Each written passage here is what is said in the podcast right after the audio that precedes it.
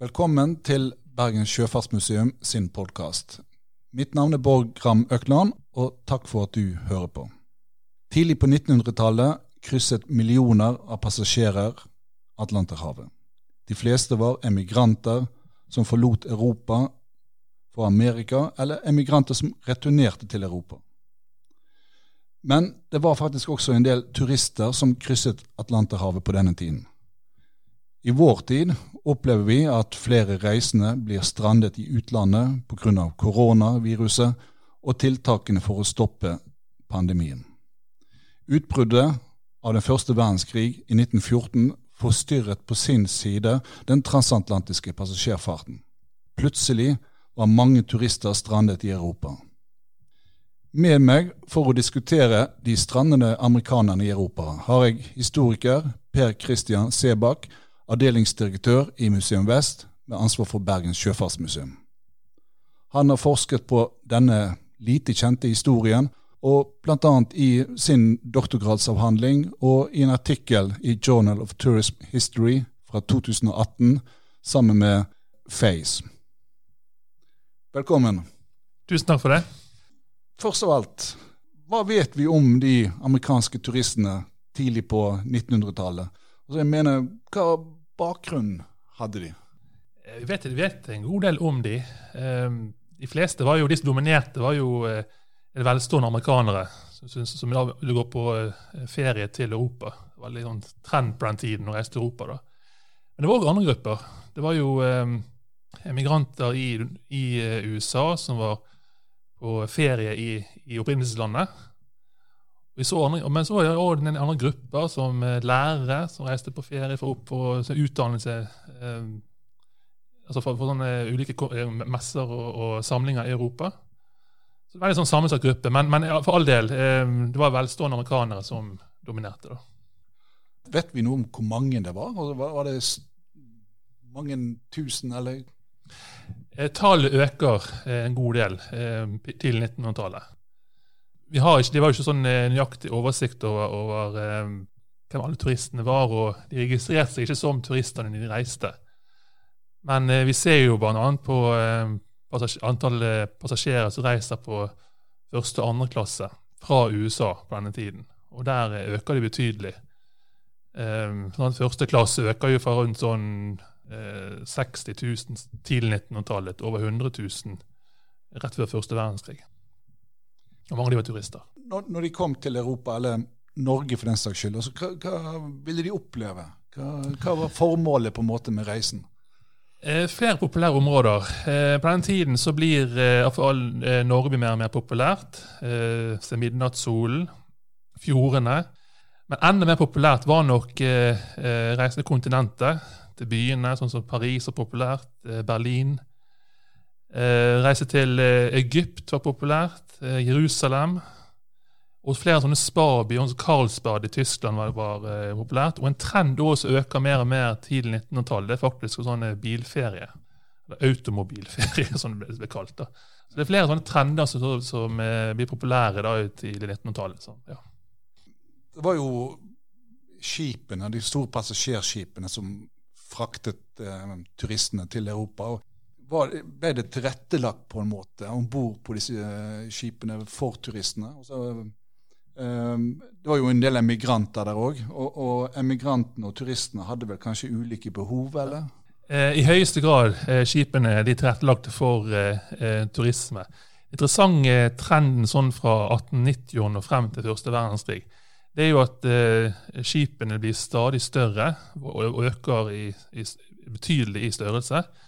Men passasjerantallet på hvert skip det ikke, øker ikke like mye. Og Det betyr jo at siden skipene blir mye større, så det blir det mer og mer plass til luksuriøse innredninger på disse skipene. Da. Så alt fra altså salonger, store salonger og, og suiter på første klasse, og til svømmebasseng, squashbane har noen av skipene. For all del, og det, det, er jo for å gjøre mer attraktivt for eh, særlig passasjerer på første klasse å kunne reise til, eh, til Europa.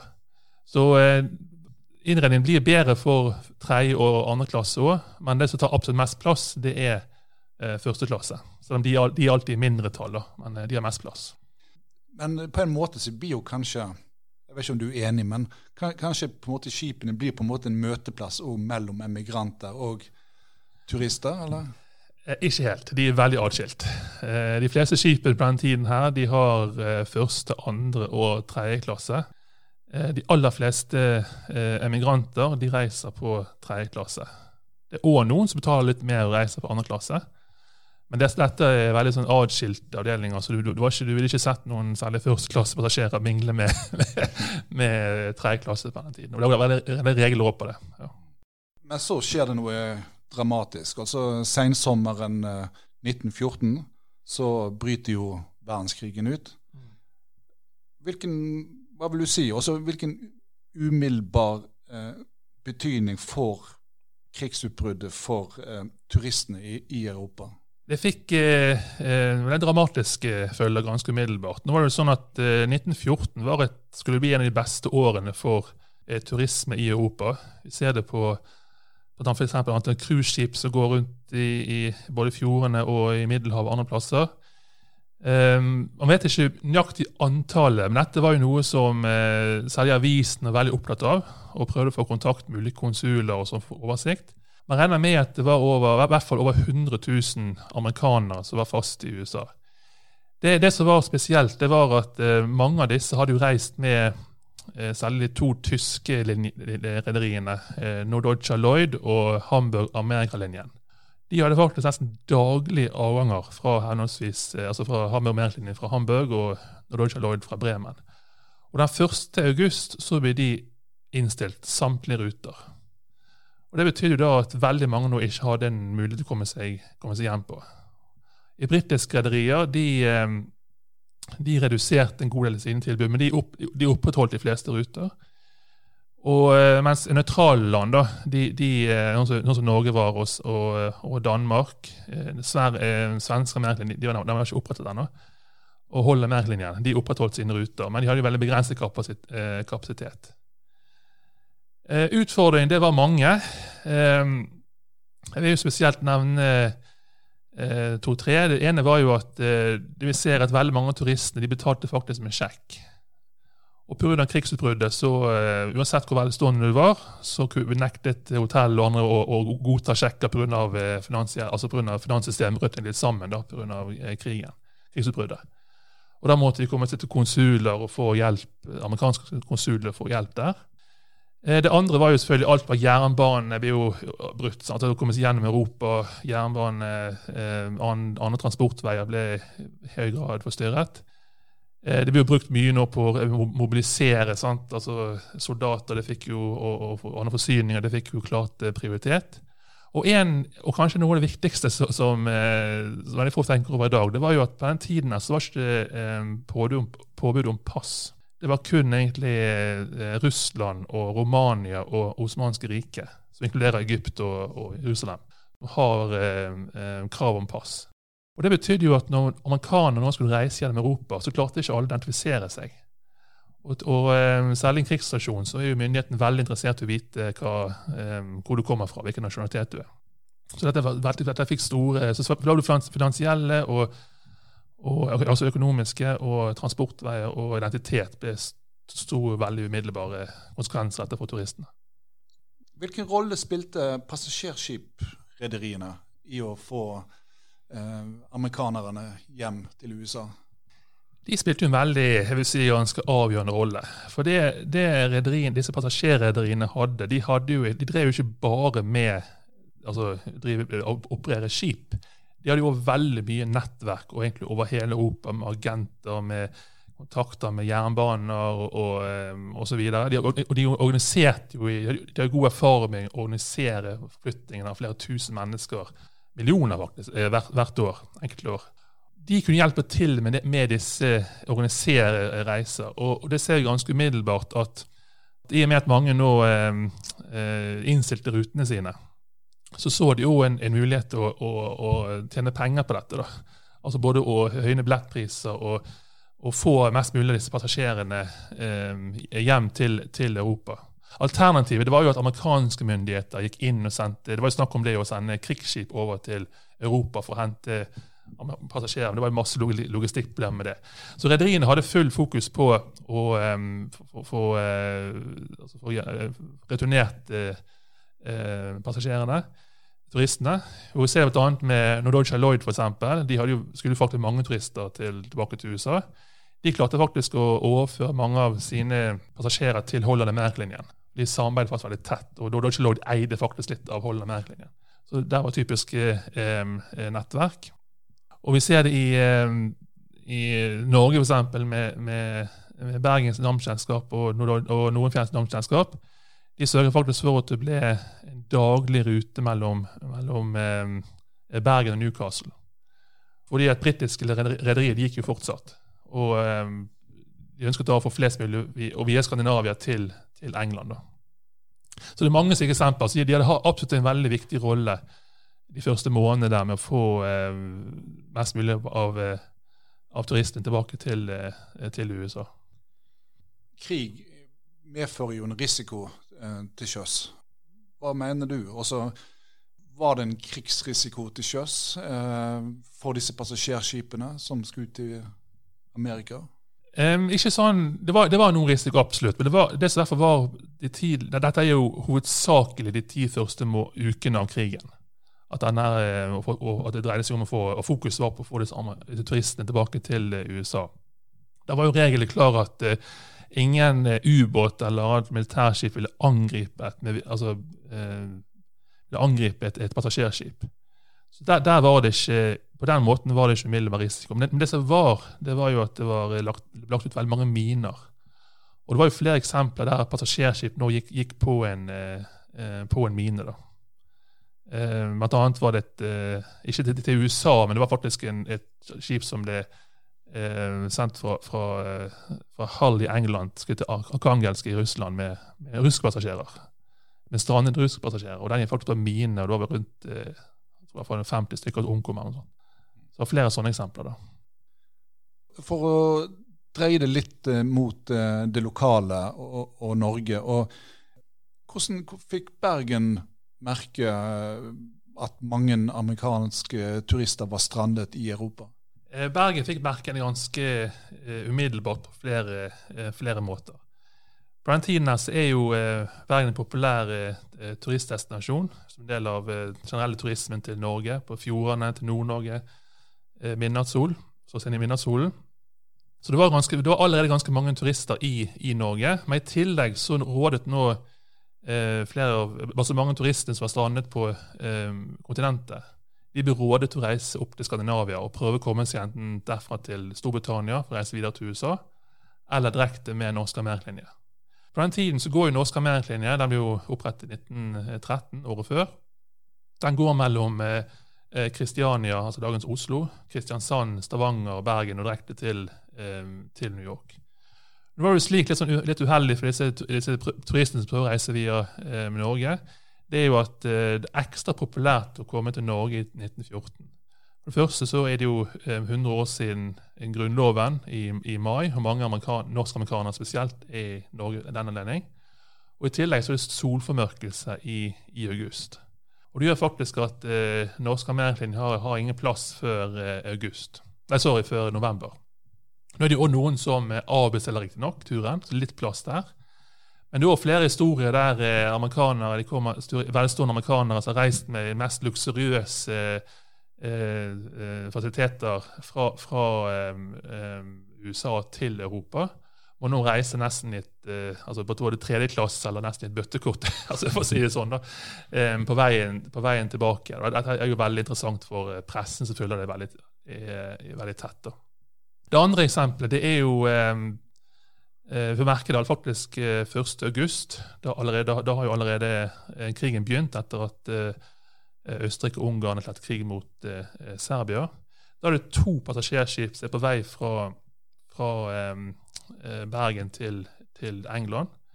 Eh, Wilson Lines in Oro. Den, den har ca. 200 passasjerer om bord, en god del er turister. Den går ned til Stavanger og får beskjed om å holde seg i Stavanger inntil videre. Um, og så Samme dag så uh, skal Håkon 7., tilhørende uh, Nordfjells Damselskap, den går fra Bergen direkte til uh, Newcastle. Men et godt stykke ut fra eh, Marstein så, så, får han beskjed regner med via telegraf eller kanskje morse, om å vende tilbake til Bergen. Og Det skipet da blir værende liggende i Bergen. Nordenfjelsk er litt sånn kreative da. De innstiller inntil, inntil videre englandsruten sin. Eh, de faktisk annonserer i avisene at vi kan frakte eh, turister direkte til USA, til Boston. De regner med de har plass til 200 passasjerer om bord. Eh, den ruten blir nå innstilt, den blir aldri gjennomført. Jeg tror litt sånn litt for ambisiøst å krysse Atlanteren med et skip som er på 1212, selv i en krigssituasjon. Jeg tror ikke mange amerikanere ville tatt den, den, den risikoen. Veldig ubehagelig å krysse Atlanteren i en så lite skip. En annen spesiell episode som eh, nok bergensere fikk merke, det var, det var jo eh, med, med, med eller turistskipet, da, eh, prins Wilhelm eh, Fredrich. Eh, på den tiden så er jo ganske mange flytende hoteller som det ble kalt, eh, for besøk i, i, Bergen. Dette var et skip på, eh, på 17 000 tonn, som var faktisk det største skipet som noen gang ville besøkt eh, Bergen. Selv om all usikkerheten i Europa på den tiden, så eh, denne sommeren, så hadde faktisk dette skipet som vanligvis, vanligvis gikk på eh, transatlantisk passasjerfart, men som brukt som, delvis som, cruiseskip, det gikk fra Bremen i midten av eh, i juli med ca. 500 eh, passasjerer om bord. Og skulle opp til Island og Svalbard og Nord-Norge, og så ned til eh, bl.a. Bergen, og komme her i midten av august. Skipet var på vei nedover eh, norskekysten da, da eh, Storbritannia erklærte krig mot, eh, mot Tyskland. Og Da fikk kapteinen umiddelbart beskjed om å gå rett til Bergen. Så plutselig den 5. 5. august, altså flere dager før han skulle komme, så kom da eh, prins Wilhelm eh, Fredrik eh, ankret opp her i, eh, på Puddefjorden. Da måtte vi plutselig alle mobilisere og finne hva skulle gjøre med disse 500, 500 passasjerene og faktisk deler av mannskapet. Og De ble alle sendt i land. Det ble skrevet dette her i avisene, og de fleste ble sendt via en god del var jo fra kontinentet, mange tyskere Ble sendt via eh, over Bergensbanen til Kristiania og derfra ned til eh, kontinentet. Mens noen få år ble sendt, var også noen engelskmenn om bord faktisk, og nederlendere. Og de ble sendt eh, amerikanere, og de ble sendt faktisk med englandsbåten til, eh, til Newcastle. Og Det, liggen, det skipet ble liggende her, eh, er et sånn symbol på nå er det krig. må man vil si det. Liggende oppankret på eh, Puddefjorden i flere uker, før de faktisk ble sendt videre til Odda.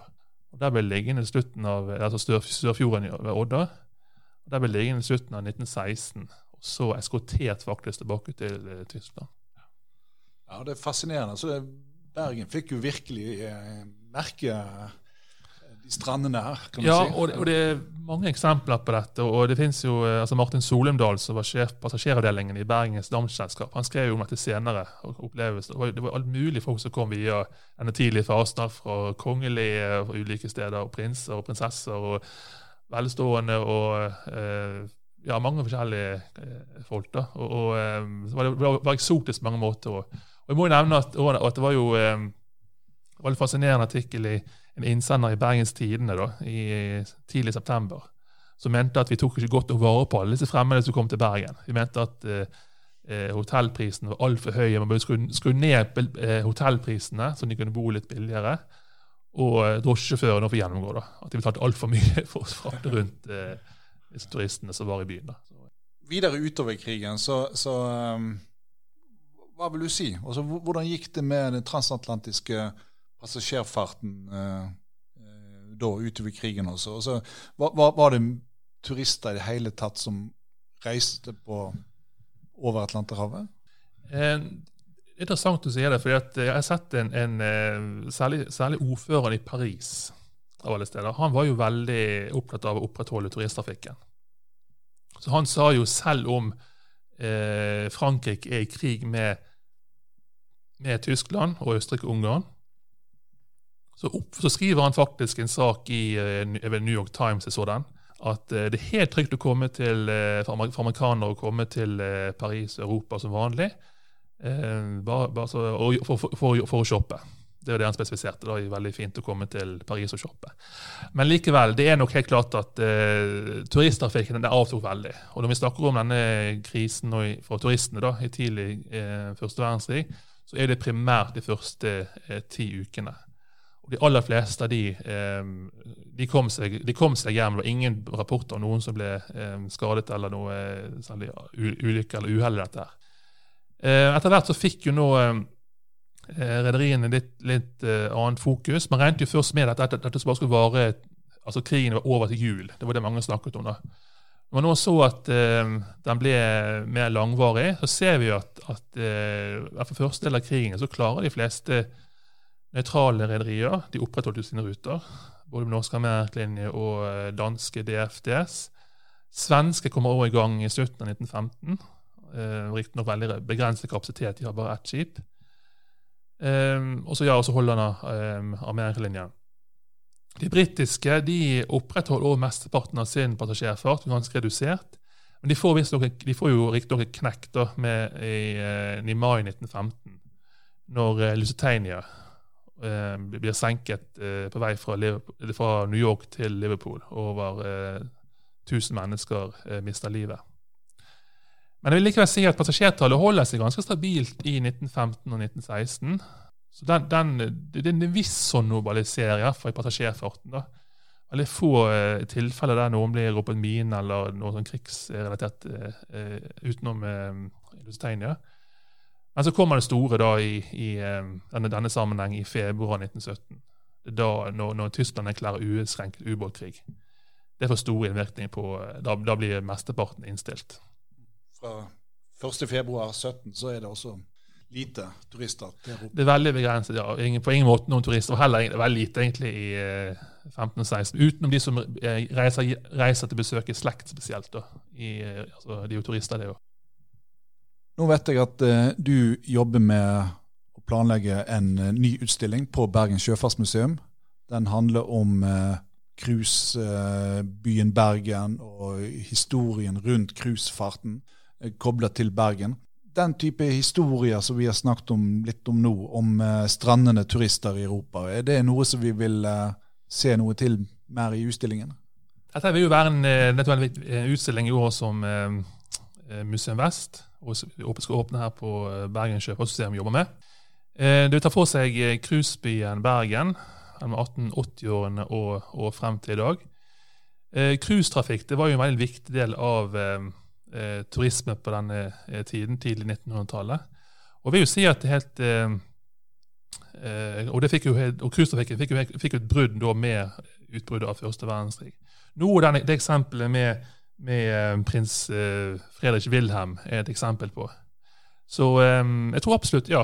Den, det var spesielt det som skjedde ved utbruddet av krigen, med alle disse cruiseturistene og andre turister som ble strandet pga. Uh, krigsutbruddet. Så vi får nå se hvor mye vi vi kommer inn på det i utstillingen. Men det er jo et eh, Jeg syns eksempelet med prins Fredrik eh, Wilhelm er et interessant del av uh, cruisebyen Bergen sin uh, historie.